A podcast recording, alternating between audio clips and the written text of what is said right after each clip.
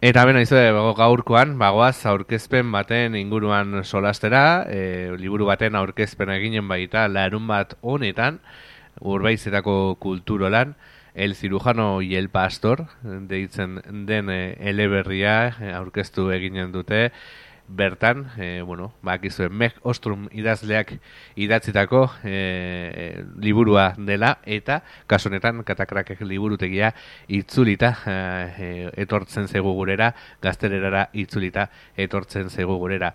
Honetaz, e, solasteko, aurkezpena burutuko duen, Ainara Rodríguez katakrakeko kidea dugu gurean, eta ongi etorri emanen diogu gurera. Ainara, egunon, zer moduz? Egunon, egunon, ongi, eta zuek. Ongi, bueno, ya, dena prest larun baterako, suposatzen dut, ez? bai, bai. bueno, Ainara, konta eguzu pixkat, eh, el cirujano y el pastor. Eh, zertan datza, edo zer da liburu hau, zer eh, kontatzen du liburu hau? Ba, bai, eh, oso liburu interesgarria da, ze askematean kontatzen dena, eh, eza, ez ezaguna den uh -huh. zerbaita. Uh -huh. eh, kalkulatzen da, beratzi mila pertsona pasa zirela, uh -huh. bigarra gerrate mundialan, e, frantziatik ona, eta e, ba, Meg Ostrom e, ba, kontatzen du uh historio bat. Dela zirujano baten historia, eta bere familia baten historia, eta nola laguntu zion, e, hemengo, bueno, frantziako e, pastor bat, ba, frontera gurutzatzera. Uh -huh. Bueno, aipatu beharra dugu, e, zirujau honek e, ies sare bat antolatua zuela Belgikako e, gobernuaren dako, e, nazietatik ies egiteko e, sare bat alegia. Ja da dokumental bat dagola, e, honen inguruan, eta e, Sans Nom sarea deitzen den dokumentala ekoitzi zuen bere garaian e, bainatiturriotzek, e, bueno, ba, biskat ikusarazteko. Eta hau, bueno, iratiko oiana du oinarri ere, e, beze hori, iratiko oianaren bueltan gertatzen dira e, bertan e, jasotakoak, eza? Bai, hori da. E, bai, e, zirujar honek eraiki zuen, bueno, parte hartu zuen e, red zeroan, dela e, red ez ezagun bat, ze askenean red pila sortu zituzten be, e, belgako resistentzia, eta bueno, ez ezagunena da komete reda, eta bueno, historia hontan agertzen zaigu beste, beste red, Eta oso interesgarria da, ze azkenean hori ez ezaguna izetetik, ba, ezagun, ezagutzera, ba, kriston, e, arraka, ez, kriston e, aberaztasuna ba, ekartzen dugu, ez? Eta bueno, konte guztu igual nolatan eh, eltzen zaizuen zuei proiektu hau burutzaren ideia, hau da Euskar, eh, Euskaratzen gazteleratzearen eh, ideia, eh, nola hasi zineten lan honetan? Bueno, ni ja, ni da, ba, niri prologoa egiteko aukera ekarri eh, eman zidatenean, uh -huh. ba, zegoen jada gazteleratuta, eta, bueno, e, niri e, eman ziaten aukera hau, ze azkenean otxa itarra izan da, ba, eta historialaria izan da, e, ba, historia honen berri izatera, izateko aukera eman ziaten. Eta azkenean konturatu naiz e, liburuan zehar, nola frantzialdean, nola egin den gauzkeio, hau ikustarazteko, hemen Baino, eta horrek ba, bidea irekitzen dit, ez, mhm. etorkizun batean, ba, beste historioak ba, ikustarazteko eta mhm. ikertzeko.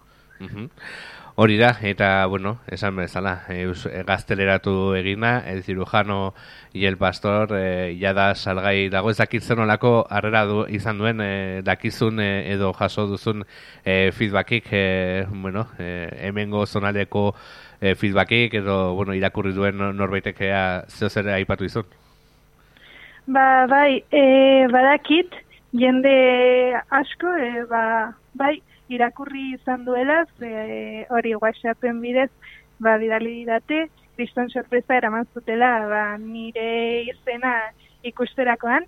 Eta, bueno, ni bezala, ba, ez ekiten historia honen inguruan, ze askenean, bueno, e, transizioan isiltasun paktuaren ostean, ba, gure aitonamonek ez dute deus esan, eta, ba, kriston arrakasta izaten ari du, bai. Mm-hmm.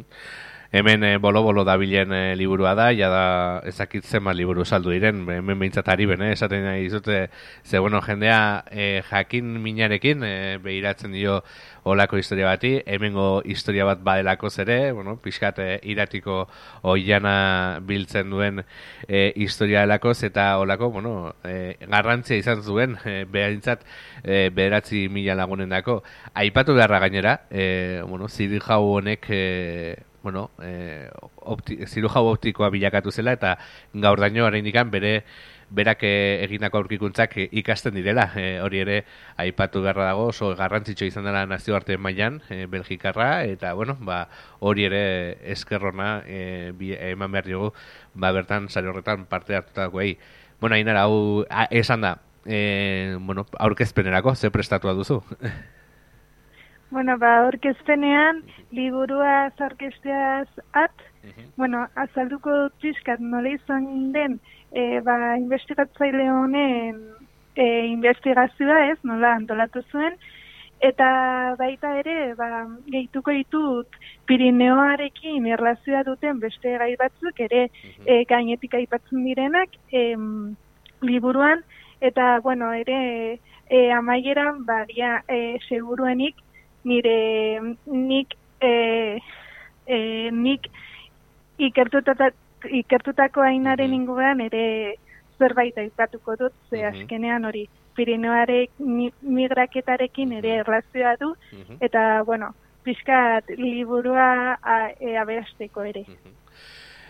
Eta, bueno, hori aipatu dugu, e, aurkezpena izanen dela, larun bat honetan, eguerdiko amabitan, aizkako kulturalan. Ez dakit da, e, aurkezpen gehiago dituzun itzartua, aukerez banago ere, e, oro txagialean, e, jada, bueno, egosten ari zarete, zukalatzen ari zarete, e, bueno, beste aurkezpen bat aukerez banago eza.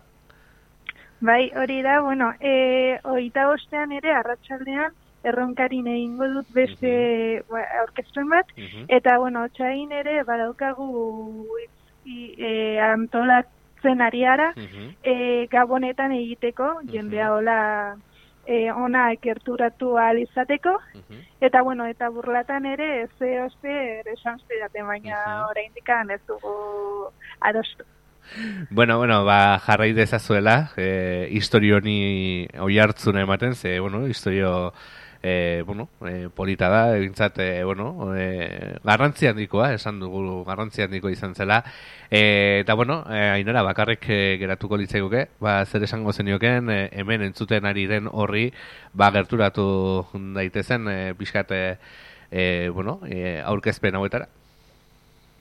Beno, ba, nik hori e, ongietorriak e, izaten zarete, eta nik gogo askorekin ba, em, e, hartuko dizuet, eta gainera ere, e, hori beltzaten zaituztet, mm -hmm. ez zoilik aurkezpenea tortzea, baita ba, liburua irakurtzera, ze azkenean ikustarazten da, nola ba, zuen aitatzi eta matxik, nola ere erre, erresistentziaren parti izan ahal ziren eta, bueno, hori, azkenean, e, historiatik ikasi behar da, eta gure lurraldetan historia hain garrantzitsuak izatea, e, kristona da, vamos.